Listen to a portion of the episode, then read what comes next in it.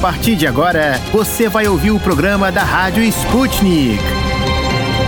Olá, ouvintes. Eu sou a Melina Saad. Eu apresento hoje o programa da Rádio Sputnik com a Tayana de Oliveira. É isso aí, Melina. Vamos juntas trazer os destaques desta terça-feira, dia 15 de março. O Ministério Público enviou um pedido ao Tribunal de Contas da União para que o órgão investigasse possível interferência do governo de Jair Bolsonaro na Petrobras e na política de preços da estatal. O subprocurador Lucas Rocha Furtado enumerou na procuração as declarações de Bolsonaro que teriam suscitado interferências diretas na cotação das ações da petroleira na Bolsa de Valores, de acordo com o jornal Correio Brasiliense. Segundo o subprocurador, a interferência governamental tem ferido a autonomia da Petrobras e a investigação seria necessária para garantir a independência da companhia. Após ser analisada pela equipe técnica do TCU, a solicitação pode ser levada ao plenário da Corte. Lembrando que a subida no preço de derivados do petróleo, como gasolina, diesel e gás de cozinha, vem atormentando a vida dos brasileiros. O maior aumento aconteceu recentemente recentemente após a nova sanção dos Estados Unidos contra a Rússia em função do conflito na Ucrânia. E um vídeo publicado pelo chefe de gabinete da Secretaria Especial da Cultura, Rafael Azevedo, vem causando polêmica nas redes sociais, Melina. Exatamente, Tayana. O vídeo mostra a imagem do ex-presidente Lula do PT entre as fotos de ditadores mundialmente conhecidos como Adolf Hitler, Benito Mussolini e Joseph Stalin. Cada imagem leva a legenda desarmamentistas e a quantidade de pessoas executadas.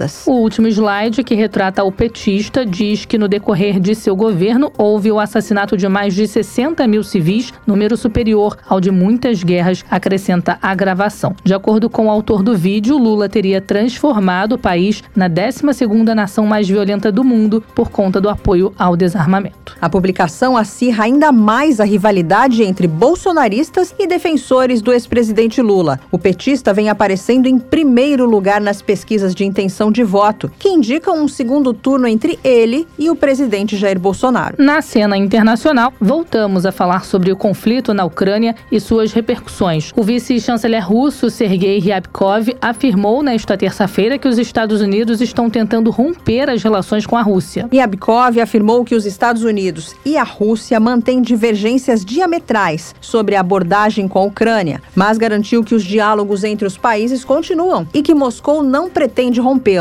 o vice-chanceler também afirmou que a Rússia continua trabalhando em Viena nas negociações do novo plano de ação conjunto global, desmentindo os boatos de que o país estaria tentando comprometê-los. Ontem, o assessor do chefe do gabinete do presidente Vladimir Zelensky, Alexei Arestovich, sugeriu que a Rússia e a Ucrânia podem celebrar um acordo de paz até maio. Ele disse também acreditar que antes disso deverá ser celebrado um acordo de paz e a retirada de tropas russas do país. Enquanto isso, o presidente ucraniano Vladimir Zelensky encaminhou à Rada Suprema, o parlamento do país, um decreto para estender a lei marcial na Ucrânia por mais 30 dias a partir do dia 26 de março. O assessor da Segurança Nacional americano, Jake Sullivan, afirmou que os Estados Unidos têm profundas suas preocupações com a aproximação chinesa da Rússia. A declaração foi dada ao diretor do gabinete do Comitê das Relações Exteriores chinês, Yang Yeshi, durante reunião em Roma, na Itália. Além da preocupação com o alinhamento de China e Rússia, os dois lados discutiram a situação da República Popular Democrática da Coreia, conhecida como Coreia do Norte. E no programa de hoje. No Destrinchando a Charada Brasil, a gente fala sobre os movimentos de renovação política e a eleição de outubro, e também sobre deveres e direitos do consumidor. No A Hora do Play, militares russos inspecionam barcos da Marinha abandonados pelos ucranianos. No Você Sabia, que é o nosso quadro sobre curiosidades do Brasil, vamos falar sobre a rainha do futebol, a brasileira Marta. O Deu Russo, que é o nosso quadro de bizarrices da Rússia, vai contar quanto custa um arranhão na lateral de um trem por uma placa de trânsito. Tem alguma dúvida ou comentário sobre a Rádio Sputnik? Você pode entrar em contato com a gente através do e-mail radio.br@sputniknews.com. Destrinchando a charada de dentro e fora do Brasil. Política, economia, sociedade e tudo que engloba o maior país da América Latina. As charadas mais complicadas do Brasil são destrinchadas aqui. Olá, Thay e ouvintes. A gente vai falar sobre um assunto que este ano não tem como escapar. Adivinha qual é? Ah, se for aqui no Brasil, deve ser política, acertei? Essa era fácil, né, Thay? Em ano de eleição, a gente tem mesmo que falar de política. Nós temos trazido aqui várias pautas no Destrinchando a Charada Brasil sobre esse tema e nós vamos continuar. A gente tem ouvido muito nos noticiários sobre movimentos de renovação política e é bom explicar que eles não são partidos, né, Mel? Na verdade, grosso modo, são espaços abertos abertos para qualificar novos líderes para que eles possam competir com quem já está há muito tempo na política. Os movimentos de renovação política servem também para dar um impulso para que esses novos candidatos possam concorrer com os políticos já mais experientes nas eleições. É um bom incentivo criar esse espaço para quem está chegando, independentemente do partido. Interessante mesmo, principalmente quando a gente vê discussões assim tão acaloradas, em que as partes assumem um lado ou outro, e que se fala tanto em polarização, eleição polarizada. E para explicar para a gente como os movimentos de renovação política podem melhorar o debate e favorecer a democracia, nós vamos chamar a coordenadora da Academia Brasileira de Direito Institucional e especialista em direito eleitoral, professora Daniele Marques. Vamos aproveitar que nós temos uma especialista para nos responder direitinho. O que são exatamente os movimentos de renovação política? Seja bem-vinda, professora Daniele. São grupos de natureza suprapartidária voltados para qualificar novos novos líderes, a fim de que estes ocupem espaços de poder na sociedade e conquistem representatividade política. Esses movimentos buscam viabilizar e impulsionar candidatos competitivos para concorrerem com políticos experientes nas eleições. Eles surgiram com grande expectativa, né? Os movimentos de renovação política, eles perderam força, professora, com a polarização? No meu ponto de vista, não. Isso porque esses movimentos se encontram em constante evolução política. Trata-se de um processo decorrente do engajamento da sociedade em razão das transformações sociais que é de caráter educativo e lento. E qual é o futuro desses movimentos, Daniele? No futuro próximo, acredito que estes movimentos permaneçam pregando outras formas de fazer política, a exemplo dos mandatos coletivos, em contraposição a uma política individual que, embora sem previsão legal, já é uma realidade. Os expoentes desses vários movimentos acabaram sendo cooptados pelos pelos partidos ou pela política nacional? Não há que se falar em cooptação, já que os partidos políticos detêm o monopólio das candidaturas. A filiação partidária é condição de elegibilidade e está prevista na Constituição Federal. Nosso sistema político-eleitoral não prevê a figura das candidaturas avulsas, com os popularmente conhecidos candidatos sem partido. Não há candidatura no Brasil se não for pelas vias partidárias. Na sua avaliação, qual será o papel desses movimentos na eleição de outubro? O de permanecer qualificando o debate por meio da formação de seus integrantes, contribuindo assim para a educação política de futuros candidatos e candidatas. O caso do deputado de São Paulo, Arthur Duval, que deu declarações machistas em viagem à Ucrânia, pode enfraquecer o MBL, o movimento que ele faz parte? Creio que não. O MBL é um movimento de renovação política já consolidado. As declarações de seus integrantes, a meu sentir, podem sim comprometer a trajetória política pessoal de quem as presta. Essa foi a Daniele Marques, advogada especialista em direito eleitoral. Obrigada, professora, pela sua colaboração e volte sempre. E vamos chamar agora o professor da UFRJ, sociólogo e cientista político, Paulo Bahia, para conversar com a gente. Professor, qual é a história dos movimentos de renovação política aqui no Brasil? Renovação política é sempre uma pauta presente no cenário político brasileiro. Nós falamos em renovação política desde os anos 1960. E, num certo sentido, nós temos dois tipos de renovação. Uma renovação geracional, em que os grupos tradicionais são substituídos por seus herdeiros, e uma substituição de novas lideranças que surgem, como, por exemplo, as lideranças ligadas ao movimento feminista, as lideranças ligadas ao movimento ambientalista, ao movimento negro, ao movimento indígena. Então, você tem novos segmentos que acontecem. Esse chamado grupo de renovação política que surge com intensidade a partir de 2015, como o MBL, Vem Pra Rua, ele teve o seu ciclo, ele teve o seu ciclo. Entretanto, você tinha outros grupos também de renovação política emergindo a partir, sobretudo, de 2013, como novas gerações de anarquistas, novas gerações de sociais-democratas, uma nova esquerda ecossocialista, enfim. Então você tem uma série de elementos, assim como novos ativistas do movimento evangélico. É, todos eles representam uma renovação política. A renovação política não está restrita ao MBL, ao Partido Novo, ao Vem Pra Rua. Eu pergunto para o senhor também qual o impacto desses movimentos nas eleições de outubro. A polarização política, muito centrada no PT, no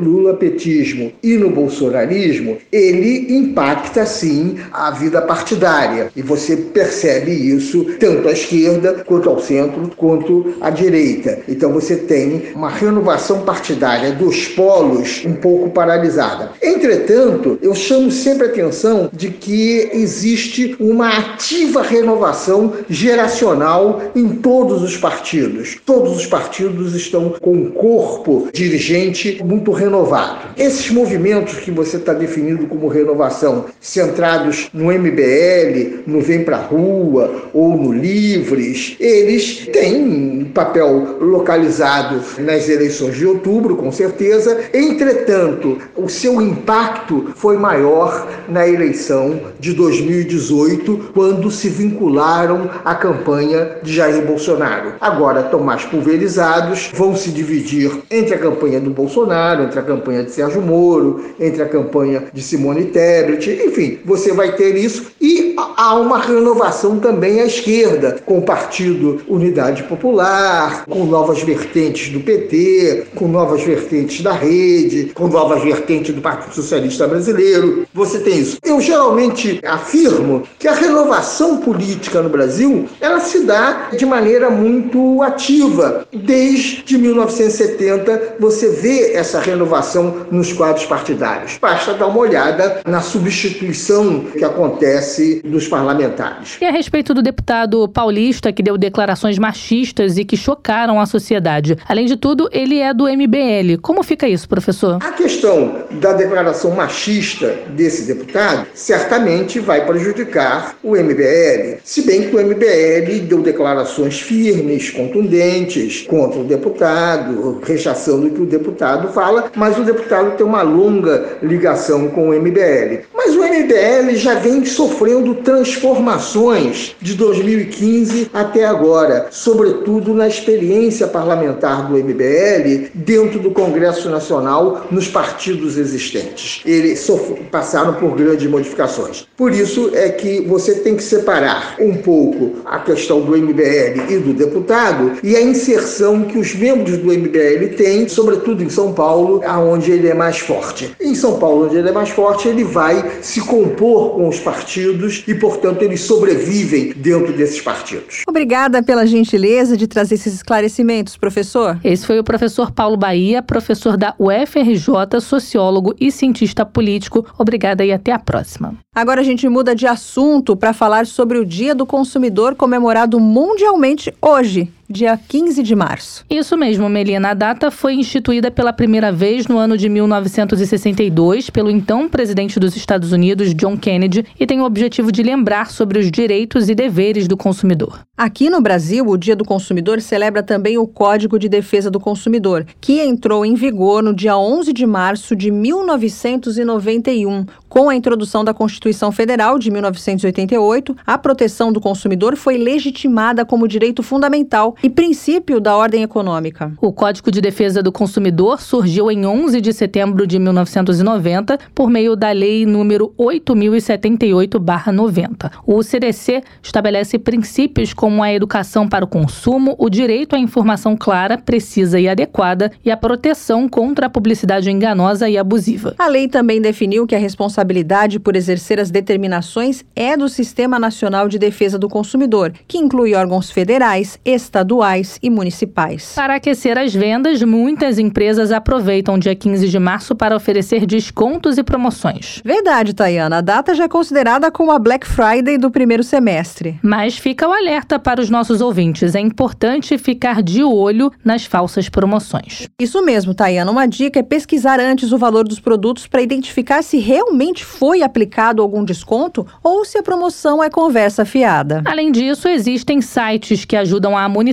se uma determinada promoção está mesmo valendo a pena. Entre eles, a gente cita aqui o Jacotei, Baixou Agora e o Escolha Segura. Isso mesmo, Thay. É importante lembrar ainda que essas plataformas registram não apenas as oscilações nos valores, mas também possibilitam a criação de alertas para quando o produto desejado chegar no preço que o consumidor quer. Bem lembrado, Melina. Essas dicas são interessantes para os nossos ouvintes porque, mesmo hoje em dia, com os consumidores mais exigentes e atentos, prevalece sempre aquele ditado de que todo cuidado é pouco. Outro espaço importante para quem compra um produto ou adquire um serviço é o site Reclame Aqui, que funciona como um canal de proteção do direito do consumidor. Isso mesmo, Melina. E os especialistas reforçam que fraudes bancárias, problemas de cobertura e reajustes de planos de saúde e complicações com concessionárias de água, luz e telefone ainda lideram a lista de reclamações no Brasil. Sobre esse assunto, a gente bate um papo com o professor de Direito da Fundação Getúlio Vargas e membro da Comissão de Defesa do Consumidor da OAB Rio, Gustavo Cló. Muito obrigada por conversar com a Rádio Sputnik. Professor, o dia 15 de março é marcado por muitas promoções. Para aproveitar os descontos, o consumidor deve se atentar a quais pontos? É, o consumidor deve sempre se atentar para o fato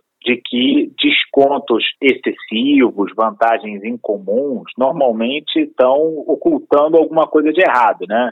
Uma mercadoria, um serviço, um produto, não é só uma questão de preço, né? Tem também a questão do serviço que está atrelado, se tem manutenção, se aquela loja é confiável, todas essas questões têm que ser levadas em consideração na hora de se escolher por uma compra e muitas vezes as pessoas saem é, decepcionadas comprando um produto que não é exatamente o que elas queriam, o preço tem condições que não estavam muito claras, às vezes o parcelamento da taxa de juros muito alta, às vezes as condições de aquisição não são exatamente aquelas, o frete frete é caro, a entrega é demorada, tudo isso pode aparecer no meio do caminho e tá, num primeiro momento, ocultado por uma promoção aparentemente boa. Né? Olha, comprar em lojas confiáveis é muito importante. Comprar em lojas que tenham políticas claras relativas a pagamento, entrega e frete. Porque uma coisa é, antigamente, quando a gente entrava na quitanda do seu José e comprava alguma coisa ali ao vivo e a cores. Quando alguém compra algo à distância, e hoje o usual é comprar à distância, comprar na internet, o que se paga de frete, as condições de transporte e tempo necessário para se receber são tão essenciais quanto o preço. Então tem que olhar isso tudo. Falando agora sobre essas questões, como frete e tempo para a entrega de um produto, em relação às compras online, que tipo de cuidados os consumidores devem ter?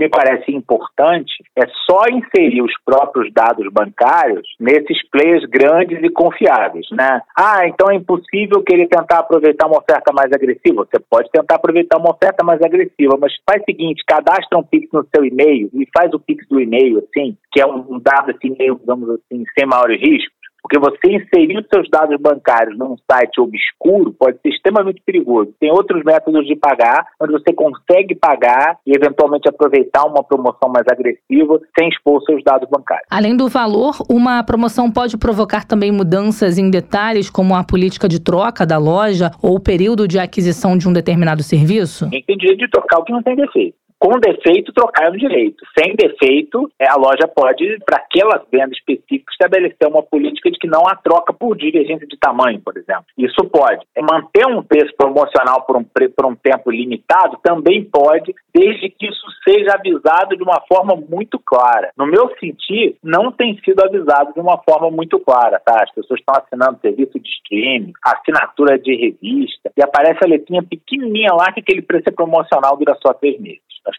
Tá, tá do mesmo tamanho que o preço letra miúda. Isso é mais velho que andar para frente, mas continua sendo muito importante, né? Aquilo que você precisa saber vem sempre na letra pequena, aquilo que é óbvio vem na letra grande. Na verdade, o Dia do Consumidor foi criado para lembrar sobre os direitos e deveres do consumidor. Aqui no Brasil, nós temos o Código de Defesa do Consumidor. Essa lei é respeitada no país, professor Gustavo? É muito variado. Assim, Se você me perguntar, por exemplo, no setor de alimentação, no setor de transporte, tem setores onde o CDC é muito, digamos assim, eficiente. Comprou uma mercadoria estragada no supermercado, você vai conseguir trocar. Você comprou uma roupa danificada na loja, vai conseguir trocar. Houve um aumento de passagem justificado, vai lá o Ministério Público consegue abaixar o aumento da passagem do ônibus. Tem setores onde a coisa funciona. E tem setores onde a coisa definitivamente não funciona, né? Na cabeça da população em geral, a gente tem assim a questão muito forte hoje dos planos de saúde. Mas eu gostaria de chamar a atenção até para um outro setor onde a população está muito exposta, que é o setor bancário. A população hoje está muito exposta. Os tribunais têm sido muito pouco benevolentes com o consumidor no setor bancário. As pessoas acumulam dívidas gigantescas com juros altos, as dívidas vão rolando, elas vão aumentando, é juros sobre juros. A gente gente tem hoje uma crise muito grande nessa relação entre o consumidor e o setor bancário e realmente é uma área onde o CDC funciona pouco. Para finalizar, professor, pode explicar um pouco sobre as políticas de ESG que hoje em dia estão em alta? ESG é uma sigla em inglês que quer dizer Environmental and Social Governance. O que, que é isso? A administração das empresas tem que administrar as empresas e tentar fazer com que as empresas cumpram metas sociais e ambientais. Então, o sujeito que fabrica chocolate ele além de vender um chocolate por um bom preço, um chocolate com um bom sabor, ele tem que se preocupar com não usar cacau que seja extraído em condições análogas ao trabalho escravo. Não pode comprar cacau de um local onde tem havido um desmatamento. Quer dizer, ele embute no produto uma preocupação social e ambiental. Esse negócio de ESG, né, essas políticas ESG, elas passaram a entrar em pauta justamente porque várias pessoas das novas gerações, tanto na ponta do consumidor quanto na ponta até mesmo do investidor, fazem questão que as empresas adotem esse tipo de política. Muito obrigada por nos atender, professor Gustavo. Até a próxima. E esse foi o professor de Direito da Fundação Getúlio Vargas e membro da Comissão de Defesa do Consumidor da OAB Rio, Gustavo Clô. Olha, Tayana, os varejistas também estão bem animados com esse Dia do Consumidor, viu? Verdade, Melina. A expectativa, segundo um levantamento realizado pela Fundação Getúlio Vargas, é que o índice de confiança do consumidor chegue aos 77,9 pontos, maior nível desde agosto de 2021. E além disso, a pesquisa revela que mais de 40% dos consumidores pretendem fazer uma compra nesse 15 de março. E você, Tayana, também pretende aproveitar os descontos? Olha, Melina, confesso que eu sou daquelas que não pode ver uma promoção, mas vou aproveitar as dicas do professor Gustavo para não acabar caindo em uma furada. Boa, e esse foi o Destrinchando a Charada Brasil de hoje. Até mais.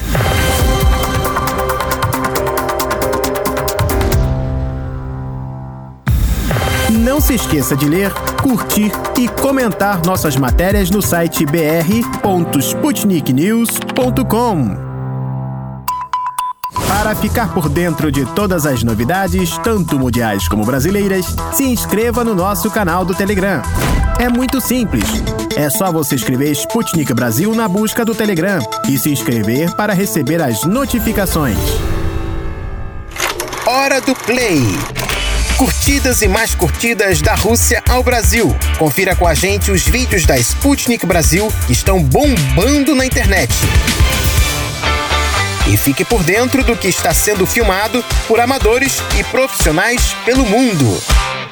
Chegou finalmente a hora mais esperada. Sabe que hora é essa, Tayana? A hora do play? Acertei? Acertou sim. Vamos acompanhar quais foram os vídeos mais curtidos e mais vistos na internet hoje. Lá de Moscou, direto da redação da Sputnik. Tito, o que você traz pra gente? Olá, queridos amigos da Rádio Sputnik. Começou agora a hora do play. Eu sou o Tito da Silva e trago para vocês os vídeos que estão bombando na internet. Para assistir aos vídeos da hora do play, basta você você ir no canal da Sputnik Brasil na plataforma de vídeos Odyssey. Basta você escrever no campo de buscas do seu navegador Sputnik Brasil Odyssey. Não sabe escrever Odyssey? Então ouça o que eu soletro. O D Y S E E. E o primeiro vídeo da hora do play de hoje mostra militares russos entrando em embarcações militares da Ucrânia que foram abandonadas às pressas enquanto as tropas russas avançavam pelo leste da Ucrânia. Diferentes tipos de embarcações da Marinha e da Guarda Costeira da Ucrânia foram inspecionados pelos militares russos no domingo 13 de março. A bordo delas, documentos e vários pertences pessoais dos militares ucranianos que foram deixados para trás foram encontrados. Para achar o vídeo, digite o nome dele na Odyssey. Tropas russas entram em navios da Marinha e Guarda Costeira da Ucrânia.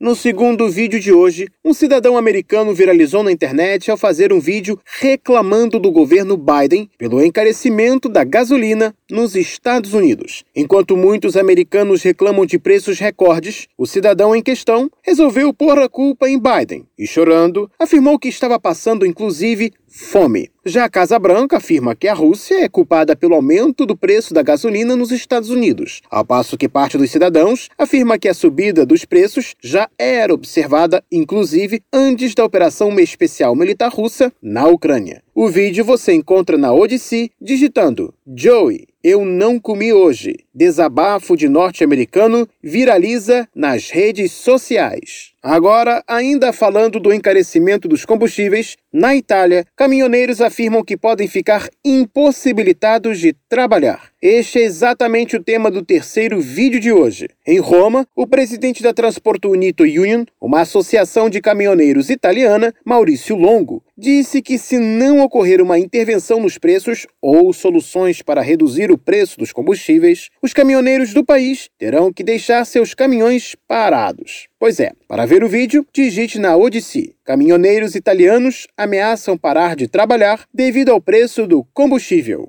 No quarto vídeo de hoje, helicópteros russos foram filmados bombardeando posições e equipamentos das Forças Armadas da Ucrânia enquanto cumpriam sua missão no país. Nas imagens, um sistema de artilharia autopropulsada ucraniano é alvo de ataque enquanto estava em plena operação. Um outro veículo militar também foi alvo dos helicópteros, ao passo que soldados ucranianos morreram na ação. O avanço das forças russas pela Ucrânia continua e está agora toda a região de Kherson sob o controle russo. Para mais detalhes, assista ao vídeo na Odyssey digitando Helicópteros de ataque russos eliminam tropas ucranianas. E por hoje é tudo, pessoal. Até mais! Os russos inspecionaram reboque Korets, duas embarcações blindadas da Marinha da Ucrânia, na cidade de Berjansk. Os russos inspecionaram reboque Korets, duas embarcações blindadas da Marinha da Ucrânia, na cidade de Berdiansk, na Ucrânia. Pois é, Melina, não houve nenhum tipo de confronto especificamente neste caso, porque os ucranianos abandonaram as embarcações e fugiram. A gente volta amanhã, Tito. Até quarta-feira, Tito.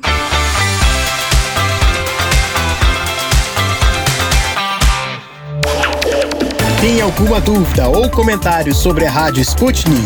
Você pode entrar em contato com a gente através do e-mail radio@sputniknews.com. Não se esqueça de ler, curtir e comentar nossas matérias no site br.sputniknews.com. Você sabia? Não? Agora vai saber! Num país gigante como o Brasil, sempre há mistérios ou peculiaridades históricas que merecem ser desvendados. Vem com a gente descobrir! Olá, ouvintes! Todos aqui já sabem que o Brasil é referência mundial quando falamos de futebol, né? Com certeza, Thay. Mas infelizmente, quando nós falamos sobre o tema, a maioria das pessoas só pensa na seleção masculina. Exatamente. Mas um dos maiores nomes do futebol mundial é a brasileira Marta. Vocês sabiam que ela é a mulher que reúne mais títulos de melhor do mundo? Pois é, nosso orgulho. Para falar um pouco sobre a Marta e a sua importância para o futebol feminino, nós conversamos com a Leda Maria da Costa Costa, pesquisadora do Laboratório de Estudos em Mídia e Esporte da Faculdade de Comunicação da UERJ. Leda, obrigada pela sua participação. A brasileira Marta é a que tem o maior número de títulos de melhor jogadora do mundo. Existe um jogador de futebol masculino equivalente a ela em termos de título e também de importância? Acho que a gente pode pensar que o futebol não existe nenhum atleta de futebol que tenha conquistado seis títulos. Isso é bem interessante. Ela ser uma mulher que vai conseguir algo que nenhum homem conseguiu num esporte até pouco tempo atrás considerado como quase que exclusivamente dos homens, né? Num esporte que tanto criou obstáculos e problemas para a participação das mulheres e cabe a uma mulher dentro da eleição organizada pela FIFA, a principal federação de futebol do mundo, em sua eleição ter como maior vencedora uma mulher. Então, isso é bem interessante. Leda, o que você pode nos contar sobre a história da jogadora Marta? A história da Marta, né? pessoal e profissional. Talvez elas em algum momento se misturem essa história.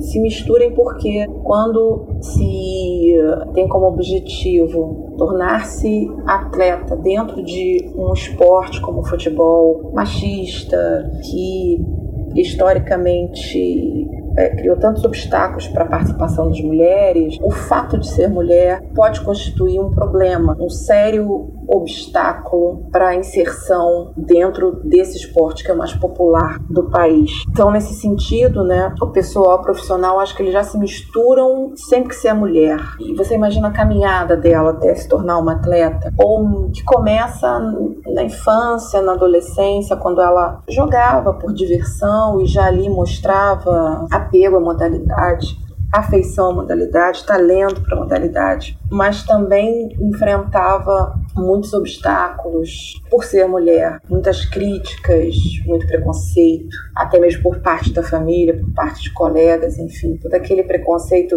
que vem dessa ideia de que futebol é para homens e que na época dela, né, isso ainda era algo muito enraizado. Eu diria que a história da Marta é a história de uma jogadora e de uma mulher que adentrou num espaço árido, num esporte que para as mulheres oferece muitos obstáculos e conseguiu construir uma carreira absolutamente exitosa, conjugando o talento dela, a persistência dela, e também aquilo que eu já mencionei de uma conjuntura pouco mais favorável ao futebol feminino, tanto no Brasil quanto no mundo. É impressão minha ou se fala pouco da Marta dentro do Brasil? Eu diria que é uma conjuntura que reúne talento, sim, ela é uma excelente jogadora, é, reúne superação, dada a dificuldade financeira é, que ela enfrentou, ter nascido numa família humilde, com dificuldades e que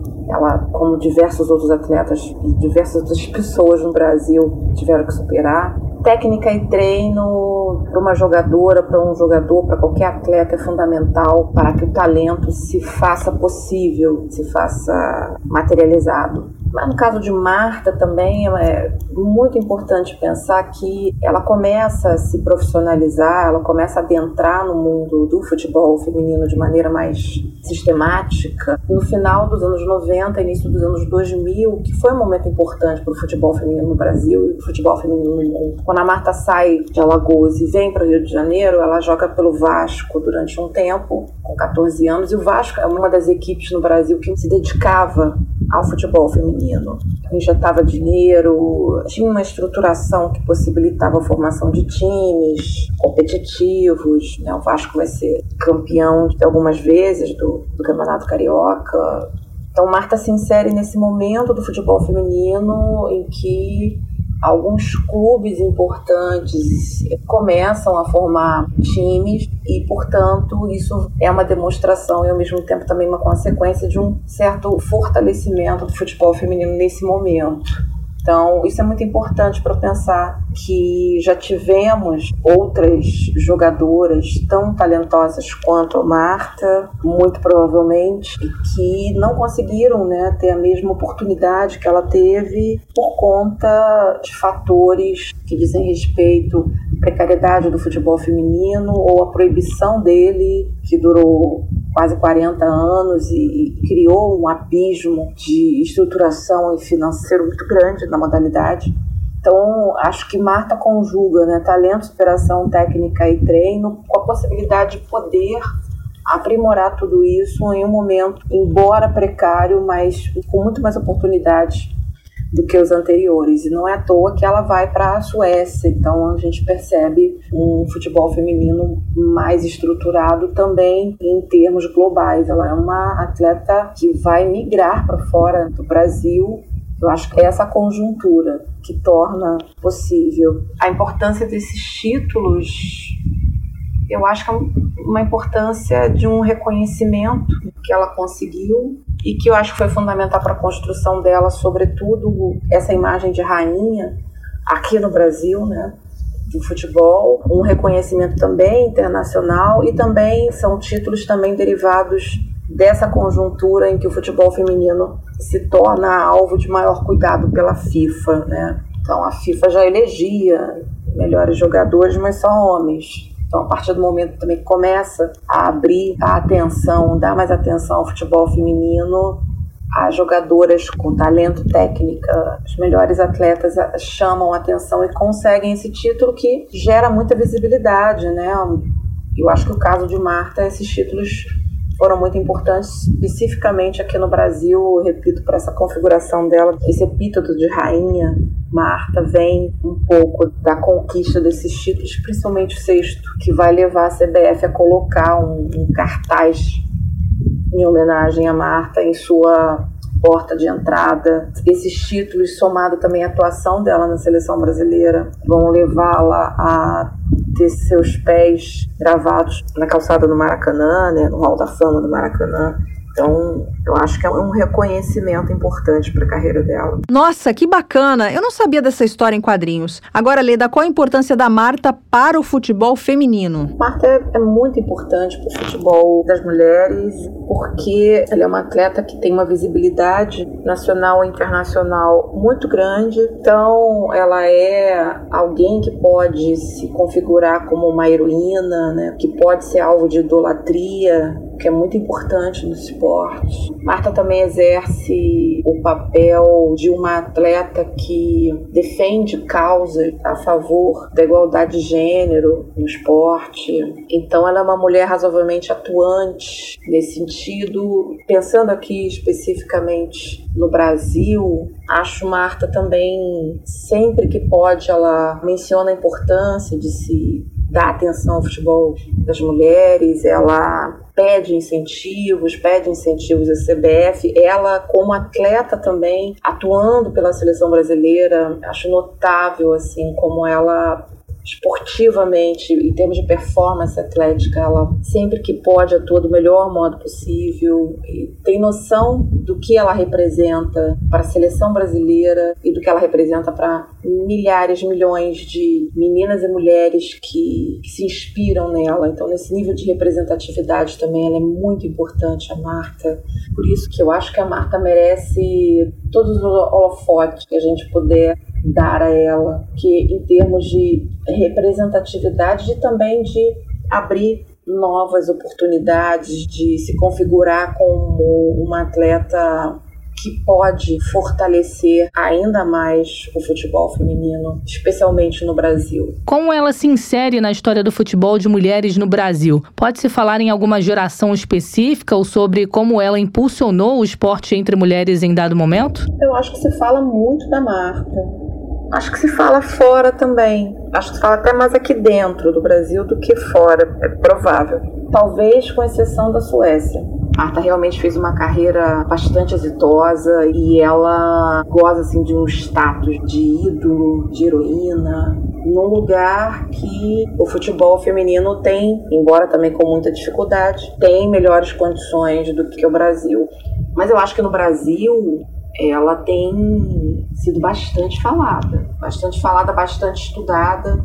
Marta vai ter a história dela contada em quadrinhos, que vai ser publicado em breve. Marta tem os pés dela na calçada da fama do Maracanã. Marta já faz muitos comerciais aqui no Brasil, fora também. Ela faz a campanha junto com o Cristiano Ronaldo do shampoo. Então, eu acho ela bem falada assim, assim em termos de quantidade.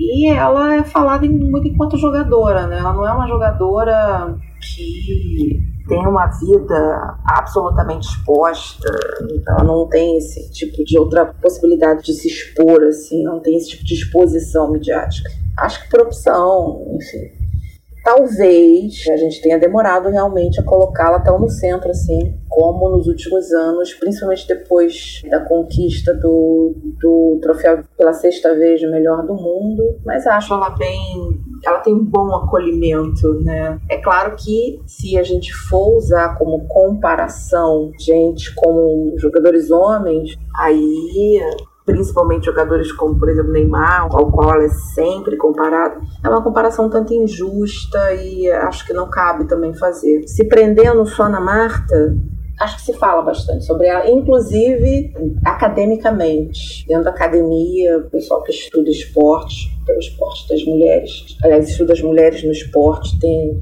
dado bastante atenção a Marta. O que de curioso você destacaria quanto à história da Marta e do futebol feminino no Brasil? Não sei se eu diria curioso, né? Eu acho que a história das mulheres no futebol brasileiro, a história das mulheres no futebol, no esporte de um modo geral, mas principalmente aqueles esportes considerados masculinos, e aí especificamente futebol, acho que é uma história que ainda há muito a ser contado. Uma história que é fértil em personagens, muitos dos quais a gente não conhece, é, ou que estão sendo descobertos agora. Uma história que se desenvolveu ao longo de anos e anos de proibição, anos e anos de preconceito, interdições, surgidas pelo simples fato de se ser mulher. Então, ser mulher no futebol brasileiro se configurou um problema e ainda estamos num processo de tornar o futebol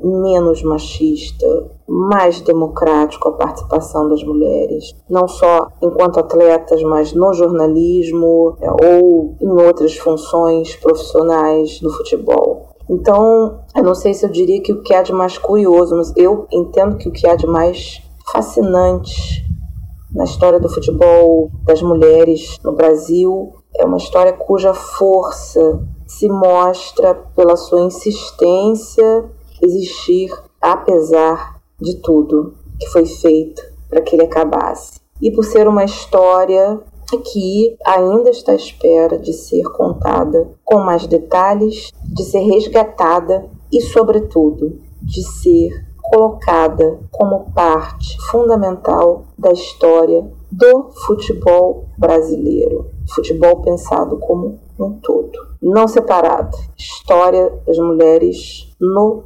futebol brasileiro. A história do futebol brasileiro foi construído também graças a muitas mulheres. Né? E eu acho que está mais do que na hora de se reconhecer isso e de se trazer à cena muitas dessas mulheres. Leda, muito obrigada pela sua participação. É sempre bom falar sobre o feito de mulheres na nossa sociedade. Com certeza, Thay. E o nosso Você Sabia de hoje fica por aqui. Até amanhã.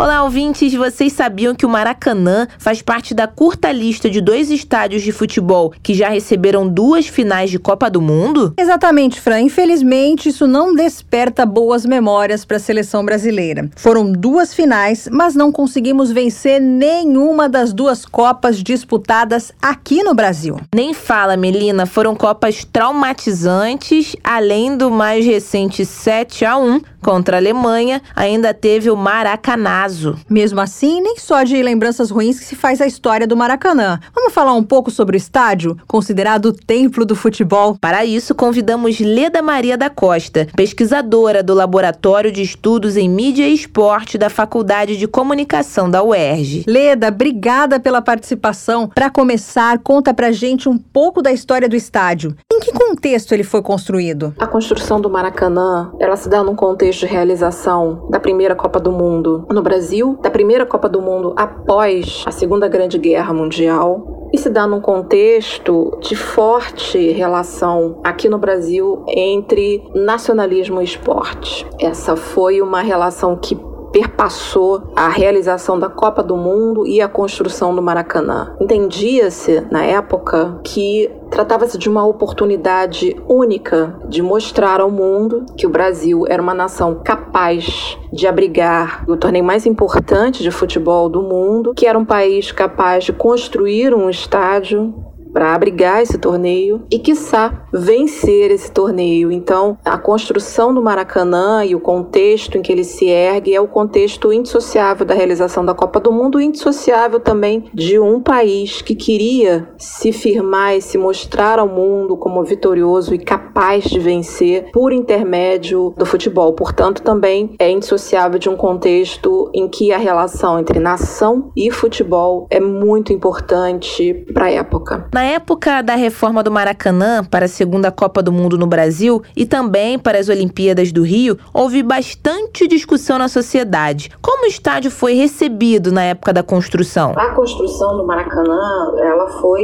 um objeto de disputa. Né? O Maracanã foi um objeto de disputa de diferentes esferas, incluindo a política, a esfera econômica, urbanística e, e obviamente, também a esportiva. Eu destaco nessa disputa, disputa política ocorrida entre os vereadores Ari Barroso e Carlos Lacerda, que no ano de 47 protagonizaram uma disputa em torno de qual seria o melhor local do Rio de Janeiro para receber o estádio para a Copa de 50. De um lado, Ari Barroso defendendo a construção de um estádio na área do Maracanã, do outro lado, Carlos Lacerda já defendendo a construção de um estádio mais para a zona oeste do Rio de Janeiro, um estádio de menor porte do que Ari Barroso defendia. Essa construção do Maracanã, o nível de disputa dela também se faz evidente na instauração da Comissão dos Sete, pelo prefeito Mendes Moraes, formado por membros como arquitetos, o jornalista Mário Filho, que era uma figura extremamente importante, vai dar o nome ao Maracanã, e uma disputa em torno da localização do, do Maracanã e também do tamanho que ele teria. Acabou vencendo a proposta de Ari Barroso, amplamente apoiada por quem detinha o principal jornal esportivo da época, que era o Mário Filho. Aprovada a construção de um estádio no Maracanã, do terreno do antigo Derby, um estádio que abrigasse por volta de 200 mil pessoas. Não temos como não falar da primeira final de Copa do Mundo disputada aqui no Brasil, no Maracanã. Conta para os nossos ouvintes mais jovens o que foi o Maracanazo e como ele está relacionado à história do Maracanã. O Maracanazo é como ficou conhecido a derrota da seleção brasileira no último jogo da Copa de 1950 o último jogo realizado contra o Uruguai, a seleção brasileira precisando de um empate para poder tornar-se campeã daquela Copa, num estádio absolutamente lotado, num estádio ainda inacabado. Isso é bem interessante de pontuar. O Maracanã ainda não tinha suas obras terminadas. Em algumas fotos é possível ver a presença de andaimes, do lado de fora ainda muito material de obra cercando o estádio. E depois de uma campanha dentro de campo da seleção brasileira bastante exitosa, com direito a algumas goleadas e a ótimas atuações em campo. A seleção brasileira vai para o último jogo contra o Uruguai e perde de 2 a 1, um, podendo ter empatado. E a dimensão que aquele jogo tinha dentro dessa relação de nação e futebol é uma derrota que acaba se agigantando muito e ganhando um peso bem forte muitas vezes sendo considerada por cronistas da época como uma derrota da nação. Foi uma derrota que transcendeu a esfera esportiva, uma derrota vista como a derrota de um povo, como a derrota de uma nação que não conseguiu se mostrar à altura do evento. Obviamente, isso é uma interpretação que foi feita na época, não que isso seja realmente verdade. E isso marca a história do Maracanã, essa derrota. E Leda, que fatores levaram o Maracanã a brigar duas finais de Copa do Mundo? Contamos com a sorte mesmo como fator principal? O Maracanã abrigou as duas finais, no caso 1950, o último jogo, não foi exatamente uma final, mas foi o último jogo da Copa, que calhou de ser Brasil e Uruguai, e calhou de ser o, jogo decisivo. Ele era o principal estádio da Copa de 1950, foi construído especificamente para ser o principal palco desse evento. Foi o único estádio construído, erguido do nada para a Copa de 50. Então me parece que ele era o personagem principal de 1950, né? Sobretudo pensando naquele contexto nacionalista que eu via como um, um símbolo de concreto da capacidade de construção, de vitória do Brasil.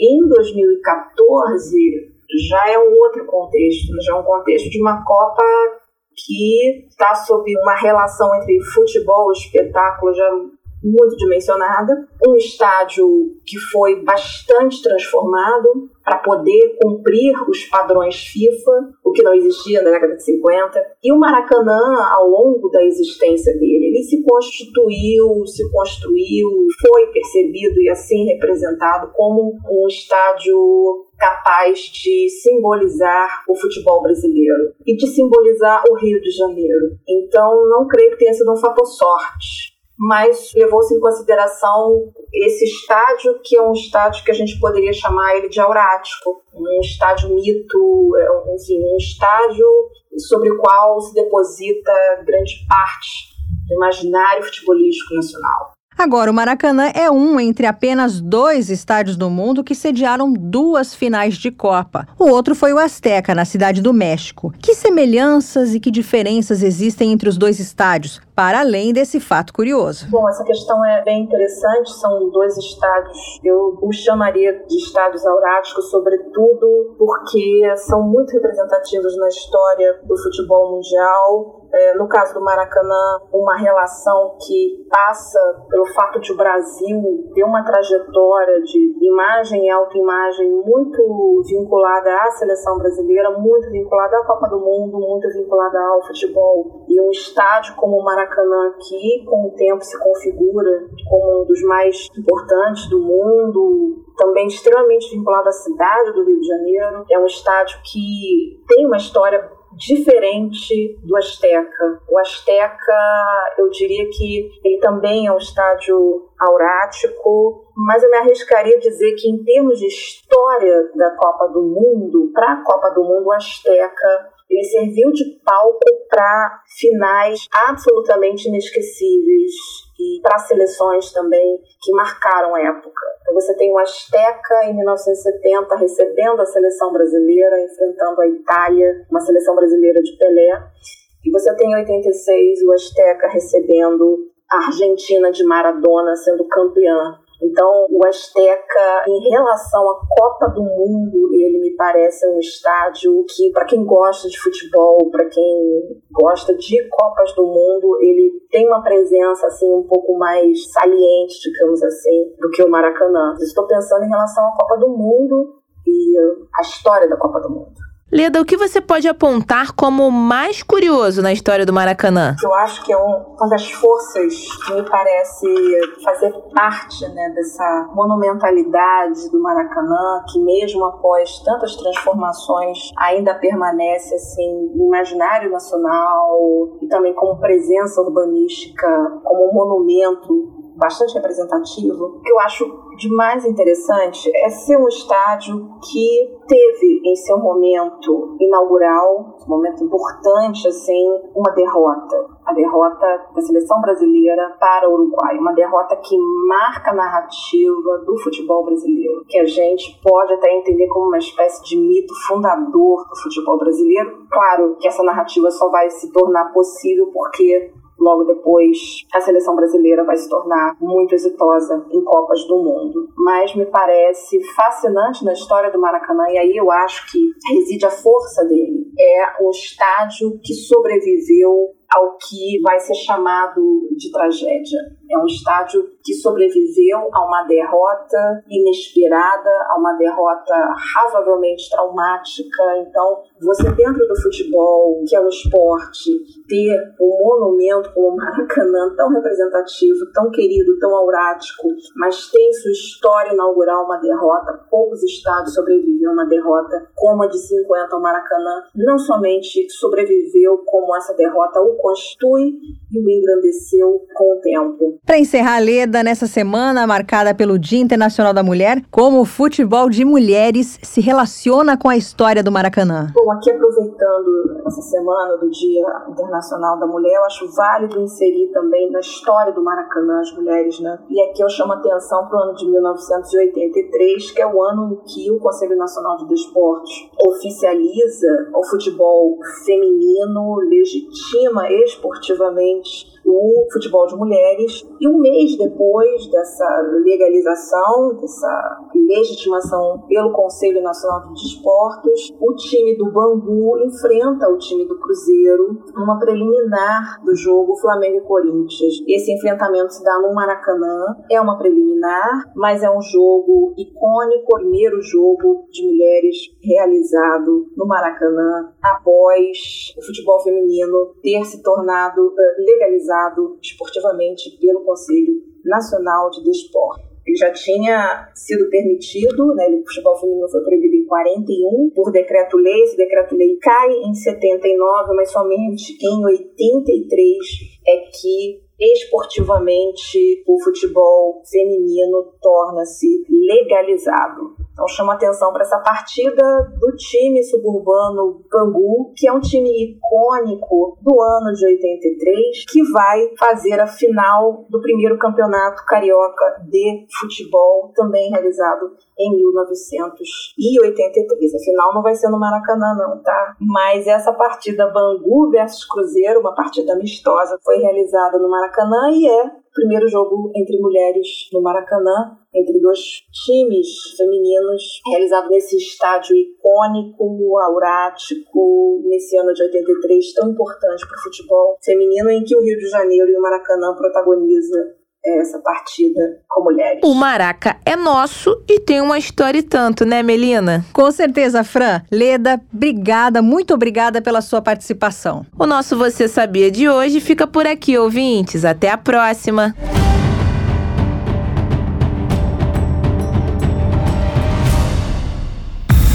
Não se esqueça de ler, curtir e comentar nossas matérias no site br.sputniknews.com.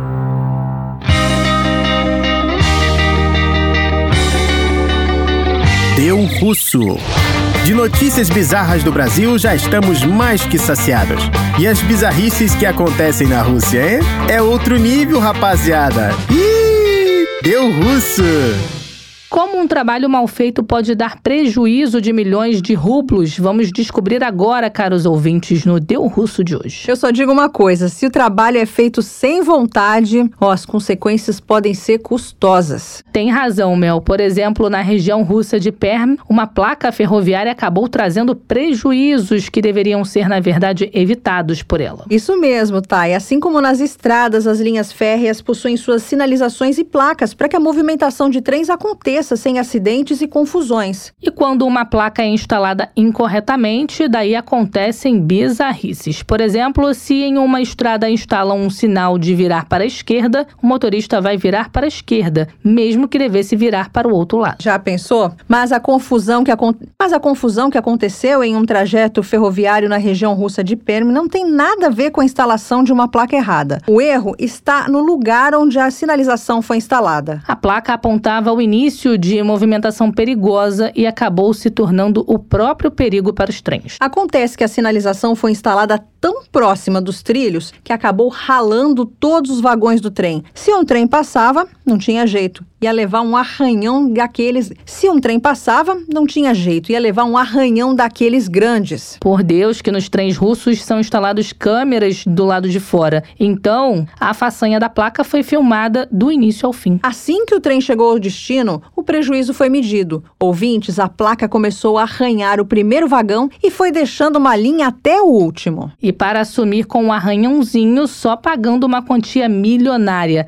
3 milhões de rublos, ou seja, 140 mil reais. E quem é que vai pagar essa conta, hein? Bem, um processo foi aberto, as imagens estão sendo averiguadas e os funcionários da estação estão sendo interrogados. Talvez descubram quem foi que fez um cálculo errado na hora de instalar a placa de trânsito ferroviário. E talvez fique por isso mesmo, mas eu acho bem difícil um arranhão de 3 milhões de rublos passar despercebido pelas autoridades. Agora é rezar para que a placa de trânsito de trem tenha sido tirada da dali, porque se deixarem ela lá, mais e mais trens vão receber um arranhão na lateral.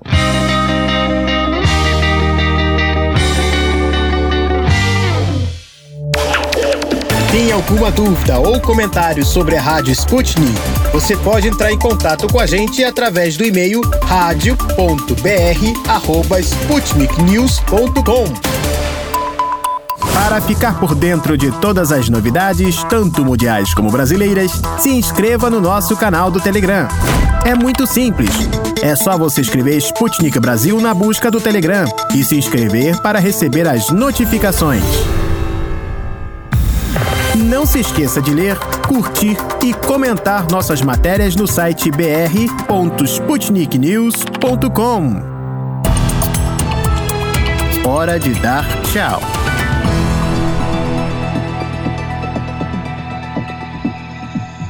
Tá, eu tenho uma má notícia. O nosso programa de hoje acabou. E essa foi a edição de 15 de março, terça-feira. Ah, mas amanhã tem mais, Mel. E eu sei que os nossos ouvintes vão continuar ligados em toda a nossa programação. Para isso, basta dar uma passadinha no site da Sputnik Brasil, pr.sputniknews.com, para conferir as notícias do momento. Lembrando que temos também nosso canal da Sputnik Brasil no ODC. Não dá para perder, né? Lá os nossos ouvintes encontram os vídeos dos assuntos mais importantes do momento tanto no Brasil quanto no resto do mundo. Fiquem ligados também nas informações sempre atualizadas no Twitter e Telegram da Sputnik Brasil. Boa terça, pessoal. Amanhã a gente volta a se encontrar. O programa da Rádio Sputnik teve apresentação, produção e edição de texto de Melina Saad e Tayana de Oliveira e produção de conteúdos e edição de texto de Tito da Silva e Pablo Rodrigues, Bárbara Pereira e Francine Augusto. A edição e a montagem do programa são de Wellington Vieira e David Costa. A produção geral no Rio de Janeiro é do Everton E da Angélica Fontela. E o editor-chefe da redação da Sputnik Brasil no Rio de Janeiro é o Renan Lúcio. E em Moscou, Konstantin Kuznetsov. Você acabou de ouvir mais um programa da Rádio Sputnik.